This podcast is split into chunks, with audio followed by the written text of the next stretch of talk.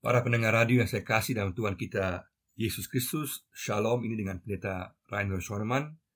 Kita pada saat ini akan meneruskan bagian kita yang ketiga dari seri kita penampakan-penampakan Yesus kepada para murid sesudah kebangkitannya.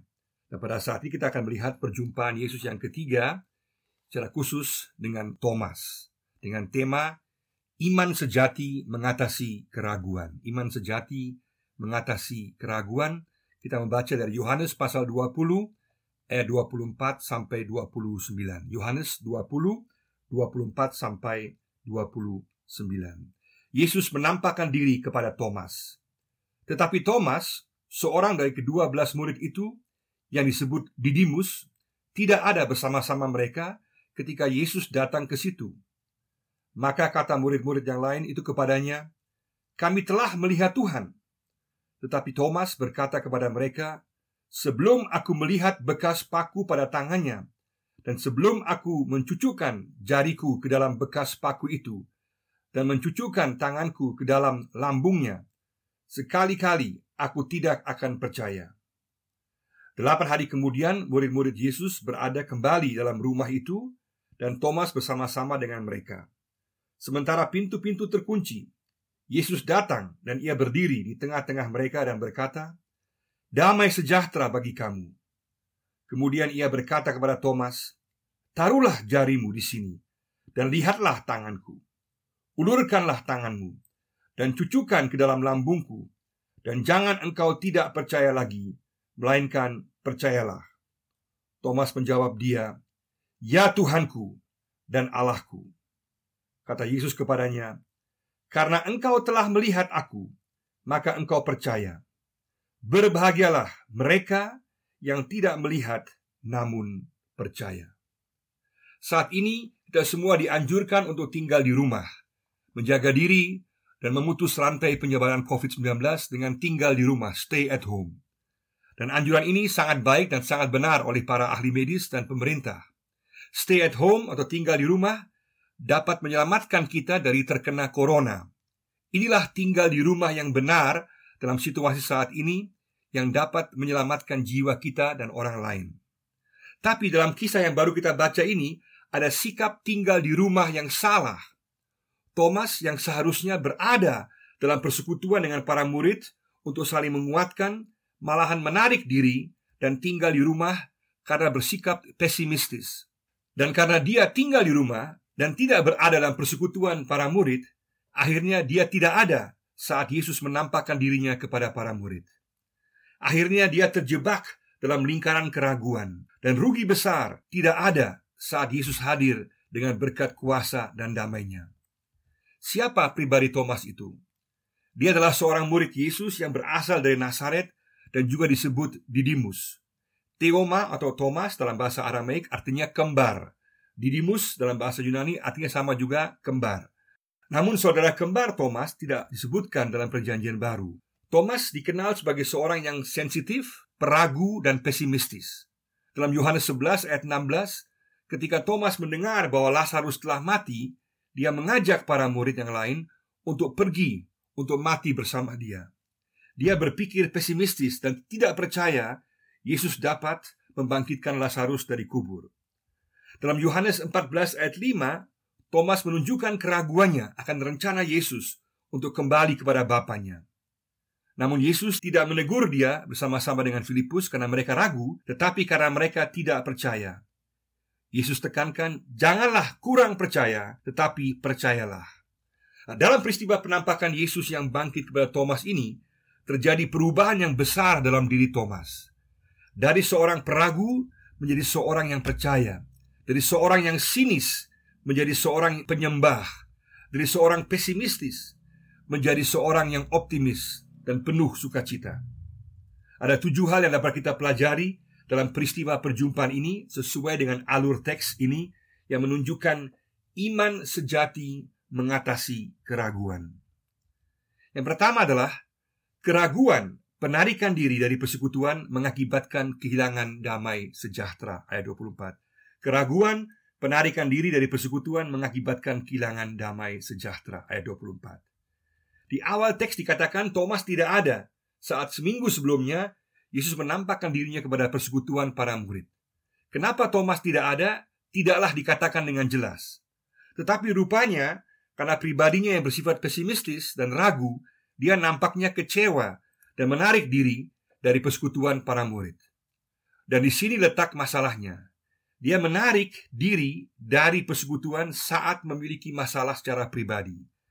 Saat Thomas menarik diri, dia kehilangan berkat penampakan diri Yesus yang memberikan berkat damai, sukacita, dan pengharapan. Kalau kita ragu dan menarik diri dari persekutuan, bukan Tuhan yang rugi, tetapi kita yang rugi.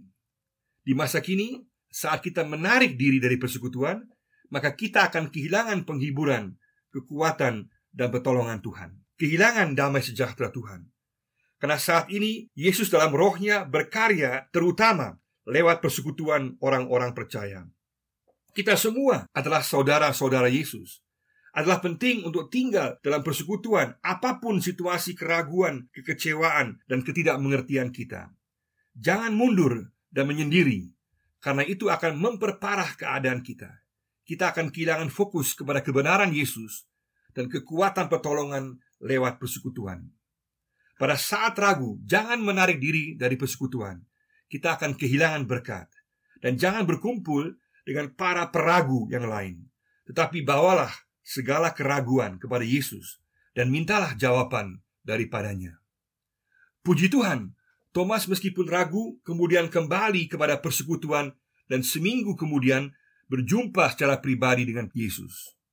Puji Tuhan, karena Thomas tinggal dalam persekutuan meskipun dia berada dalam keraguan. Dia kemudian berjumpa dengan Yesus dan memperoleh jawaban.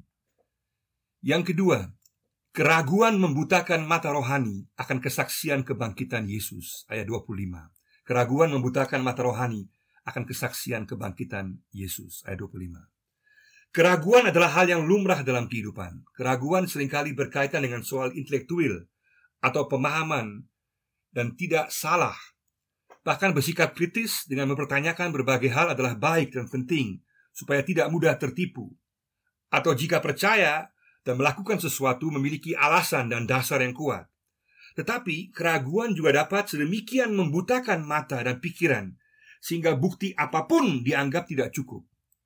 Thomas seharusnya tahu akan kuasa ajaib Yesus, tetapi ternyata mujizat bukanlah jaminan untuk percaya. Meskipun Thomas telah melihat banyak mujizat Yesus dan bahkan hadir saat kebangkitan Lazarus, putri Yairus, dan pemuda dari Nain, dia tetap ragu. Seharusnya Thomas mempercayai para murid yang menyaksikan secara bersama-sama. Tapi keraguan menutupi mata rohaninya untuk dapat percaya. Dia bahkan bersikeras dan mengatakan baru akan percaya jika melihat Yesus sendiri dan bahkan itu pun tidak cukup tetapi harus menyentuh tangan dan lambung Yesus yang terluka. Thomas sungguh dikuasai oleh keraguan. Alkitab banyak berbicara mengenai keraguan. Yang menentukan adalah apa yang kita buat dengan keraguan kita dan ke mana kita pergi dengan keraguan kita. Dalam kitab Mazmur ada 60 Mazmur yang merupakan ratapan dan berisikan keraguan terhadap Allah. Artinya, kita boleh mengungkapkan segala keraguan kita kepada Allah. Dialah alamat yang tepat. Bawalah keraguanmu kepada Yesus. Jangan salah alamat. Jangan sampai keraguan membawa kita menjauh dari Allah. Ada perbedaan besar antara keraguan dan ketidakpercayaan. Kalau keraguan itu sebuah masalah intelektual dan mengatakan aku tidak percaya Tuhan karena ada banyak masalah. Kalau ketidakpercayaan itu adalah sebuah sikap dasar untuk menentang dan menolak dan tidak mau percaya apa pun buktinya. Dan ketidakpercayaan ini fatal dan merupakan dosa yang terbesar. Dalam Injil Yohanes, pentingnya iman percaya ditekankan berulang-ulang kali. Sebanyak 98 kali kata percaya, kata pistis muncul dalam Injil Yohanes. Dan secara khusus berhubungan dengan pentingnya percaya kepada Yesus Kristus sebagai anak Allah yang hidup. Untuk istilah percaya juga dipakai berbagai sinonim seperti menerima, minum, makan, masuk. Percaya adalah respons, jawaban terhadap pribadi dan kebenaran Yesus. Percaya adalah menentukan untuk memperoleh keselamatan kekal dan dalam menghidupi kebenaran dalam kehidupan sehari-hari. Di sini Yesus mengingatkan kembali tentang apa yang telah diajarkan sebelumnya mengenai iman percaya. Dosa terbesar adalah ketidakpercayaan kepada kebenaran Yesus. Bagi Yesus yang paling penting adalah iman percaya kita kepadanya, mempercayai pribadinya, firmannya, dan janjinya. Bagi Yesus iman percaya sangat penting dan menentukan. Dalam Lukas 18 ayat 8 dikatakan, "Tetapi jika anak manusia turun ke bumi, adakah dia menemukan iman?" Pada akhir zaman, saat Yesus datang kembali, yang menentukan adalah apakah orang-orang beriman percaya kepadanya. Satu minggu yang panjang bagi Thomas dalam keraguan. Tetapi dia tinggal dalam persekutuan dengan para murid. Stay in fellowship yang kemudian membawa perubahan yang besar. Tinggallah dalam persekutuan. Dalam saat keraguan dan kekecewaan, kita dipanggil untuk tetap tinggal dalam persekutuan yang saling menguatkan. Jangan berkumpul dengan para peragu, tetapi bawalah keraguanmu kepada Tuhan Yesus. Maukah kita? Yang ketiga, kehadiran Yesus dalam kuasa dan damai sejahteranya. Kehadiran Yesus dalam kuasa dan damai sejahteranya ayat 26. Karena Thomas tinggal dalam persekutuan para murid, perubahan kemudian terjadi. Yesus kembali datang menampakkan diri kepada para murid. Yesus datang pada hari Minggu. Ini penting sekali. Domingus, harinya Tuhan. Delapan hari kemudian. Ini cara hitungnya berbeda dulu. Kalau dulu dihitung, maka hari yang sedang terjadi, sedang, sedang berlangsung juga ikut dihitung. Maka hitungannya adalah minggu hari pertama, minggu, Senin, Selasa, Rabu, Kamis, Jumat, Sabtu, Minggu, hari ke-8. Sama dengan Yesus katakan dia bangkit pada hari yang ketiga. Maka Yesus meninggal atau mati pada hari Jumat, itu hari pertama. Hari keduanya adalah hari Sabtu dan hari ketiga adalah hari Minggu. Maka Yesus kembali menampakkan diri pada hari Minggu. Kenapa? Karena merupakan hari kebangkitan Yesus, awalan ciptaan yang baru, awalan perjanjian yang baru. Itulah sebabnya kita orang Kristen merayakan ibadah pada hari Minggu. Dan bagi Thomas, hari Minggu itu secara khusus sebuah awalan pribadi yang baru dengan Yesus. Yesus menunjukkan kuasanya dengan menembus pintu-pintu yang terkunci. Dia memiliki tubuh ilahi yang baru dan memiliki segala kuasa. Tidak ada kuasa apa pun yang dapat menghalanginya dan melawannya. Dan ini para murid dan semua orang percaya perlu tahu. Dan juga kita di masa kini. Yesus yang berkuasa atas segala sesuatu.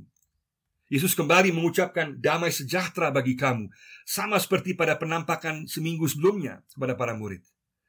Damai sejahtera adalah milik mereka yang percaya kepadanya dalam situasi apa pun, bukan sekedar perasaan, tetapi kenyataan dinaungi damai sejahtera Yesus.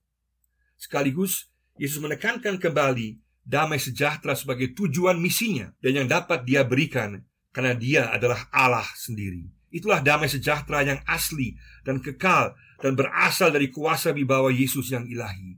Dan kita boleh yakin bahwa damai sejahtera itu berlaku bagi setiap orang percaya. Bukan damai sejahtera PHP manusia, yaitu pemberi harapan palsu, tetapi PHP ilahi, yaitu pemberi harapan pasti. Kenapa pasti? karena sumbernya adalah Allah sendiri dan perkataannya, firmannya adalah ya dan amin, artinya sungguh-sungguh benar.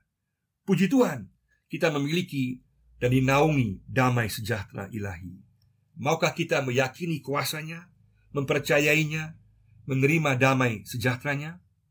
Yang keempat, pelayanan khusus Yesus untuk Thomas, ayat 27a. Pelayanan khusus Yesus untuk Thomas. Di sini digambarkan pendekatan pastoral Yesus yang luar biasa, yang khusus datang untuk berjumpa dengan Thomas. Dia datang khusus untuk berjumpa dengan Thomas untuk mengatasi keraguannya. Yesus mengerti keraguan Thomas.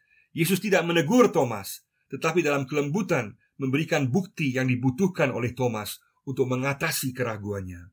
Taruhlah jarimu di tanganku, ulurkanlah tanganmu di lambungku. Jika kita sungguh mencari Yesus, maka pada waktunya Yesus pasti akan menjawab kita. Apa pun hal yang menghalangi kita untuk percaya kepada Yesus, ungkapkanlah itu di hadapan Yesus dalam doa dan minta Dia untuk memberikan jawaban. Pasti ada kejutan istimewa jawaban yang penuh anugerah jika kita memintanya dengan jujur. Yesus peduli kepada setiap persoalan kita secara pribadi. Setiap pribadi dan setiap masalah berarti bagi Yesus dan Dia peduli. Bawalah masalahmu, keraguanmu kepadanya. Dia akan menjawabnya. Maukah kita? Yesus menunggu kita untuk datang kepadanya. Datanglah kepadanya. Yang kelima adalah iman percaya kepada Yesus yang sungguh mati dan bangkit. Iman percaya kepada Yesus yang sungguh mati dan bangkit ayat 27b. Dengan penampakan Yesus sekali lagi membuktikan bahwa dia sungguh mati dan bangkit secara nyata. Yesus menyuruh Thomas menyentuh tangannya dan lambungnya. Iman percaya pada Yesus adalah berdasarkan pada fakta historis dan kesaksian mereka yang dulu melihat dan berjumpa dengan Yesus yang bangkit secara real. Thomas kemudian melihat Yesus. Melihat bahwa Yesus nyata bangkit itu penting. Menyentuh tangan dan lambung bekas luka.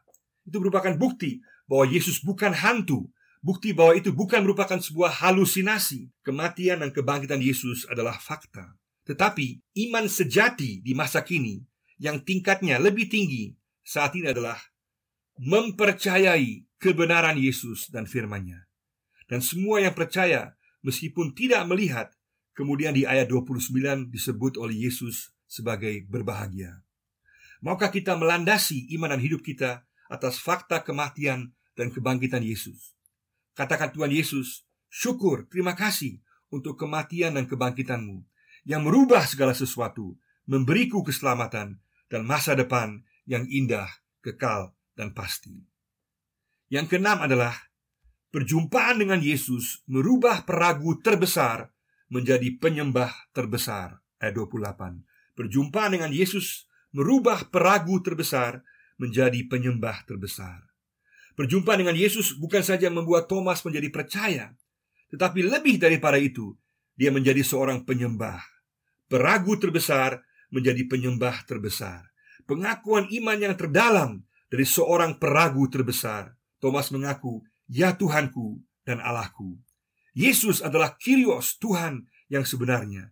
Yesus adalah ya-, Allah Yahweh yang sebenarnya. Tidak ada pengakuan iman yang lebih pendek dan sebegitu dalam seperti pengakuan iman Thomas di sini. Ya Tuhanku dan Allahku. Thomas mengakui keilahian Yesus. Dan pengakuan ini berlaku untuk semua orang percaya sepanjang zaman. Orang-orang Kristen pertama dalam pengakuan iman mereka mengaku Kyrios Yesus. Yesus adalah Tuhan. Tanda rahasia orang Kristen mula-mula yang dianiaya oleh karena iman mereka adalah simbol ikan. Kata ikan dalam bahasa Yunani adalah ikhtis. Dan lima huruf awal dalam bahasa Yunani ini kepanjangannya adalah Yesus Kristus Theou Hios Soter, yaitu Yesus Kristus, anak Allah dan juru selamat. Simbol ikan dengan arti yang sangat dalam, pengakuan iman yang pendek dan mencakup semua hal yang paling utama dari iman Kristen.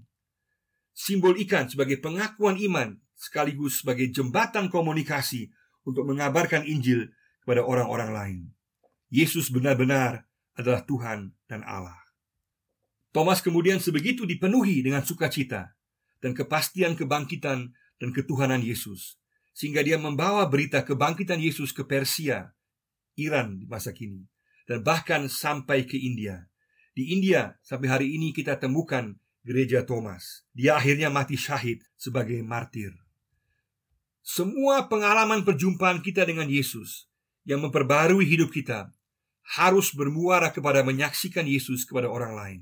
Semua penyembahan kita harus bermuara kepada membawa Injil kepada orang lain dan melayani orang lain secara rohani dan jasmani. Pengakuan iman dan teologi kita harus membuat kita bergerak untuk menyampaikan berita sukacita, kabar baik, keselamatan, dan pengampunan dalam Yesus kepada orang lain. Contoh yang luar biasa di tanah Papua adalah Petrus Kaviar. Setelah dia lulus pendidikannya dari seminari di Depok sebagai guru Papua yang pertama, pada tanggal 11 Februari 1897 bersama Franz van Hasselt, dia masuk ke tanah Arfak yang waktu itu sangat berbahaya. Sungguh luar biasa kerinduannya sebagai orang biak membawa Injil kepada suku yang berbeda, yaitu suku Arfak, meski terancam kehilangan nyawanya. Pengalaman kita, penyembahan kita, teologi kita harus membawa kita untuk melayani orang lain. Bukan posisi dan jabatan yang penting, tetapi pelayanan. Dan itu ditunjukkan oleh Petrus Kaviar. Dia menjadi teladan penginjilan. Itulah bukti kuasa kebangkitan Yesus yang membawa perubahan. Maukah kita mencontohi dia? Maukah kita meneladani contoh yang luar biasa dari Petrus Kaviar ini? Maukah kita menjadi penyembah yang benar, mengaku Yesus sebagai Allah dan Tuhan kita, membawa Injil keselamatan dan melayani orang lain, supaya orang lain mengerti Yesuslah Tuhan dan Juru Selamat manusia. Maukah kita? Yang ketujuh yang terakhir adalah iman sejati meyakini kebenaran Yesus tanpa melihat. Iman sejati meyakini kebenaran Yesus tanpa melihat ayat 29.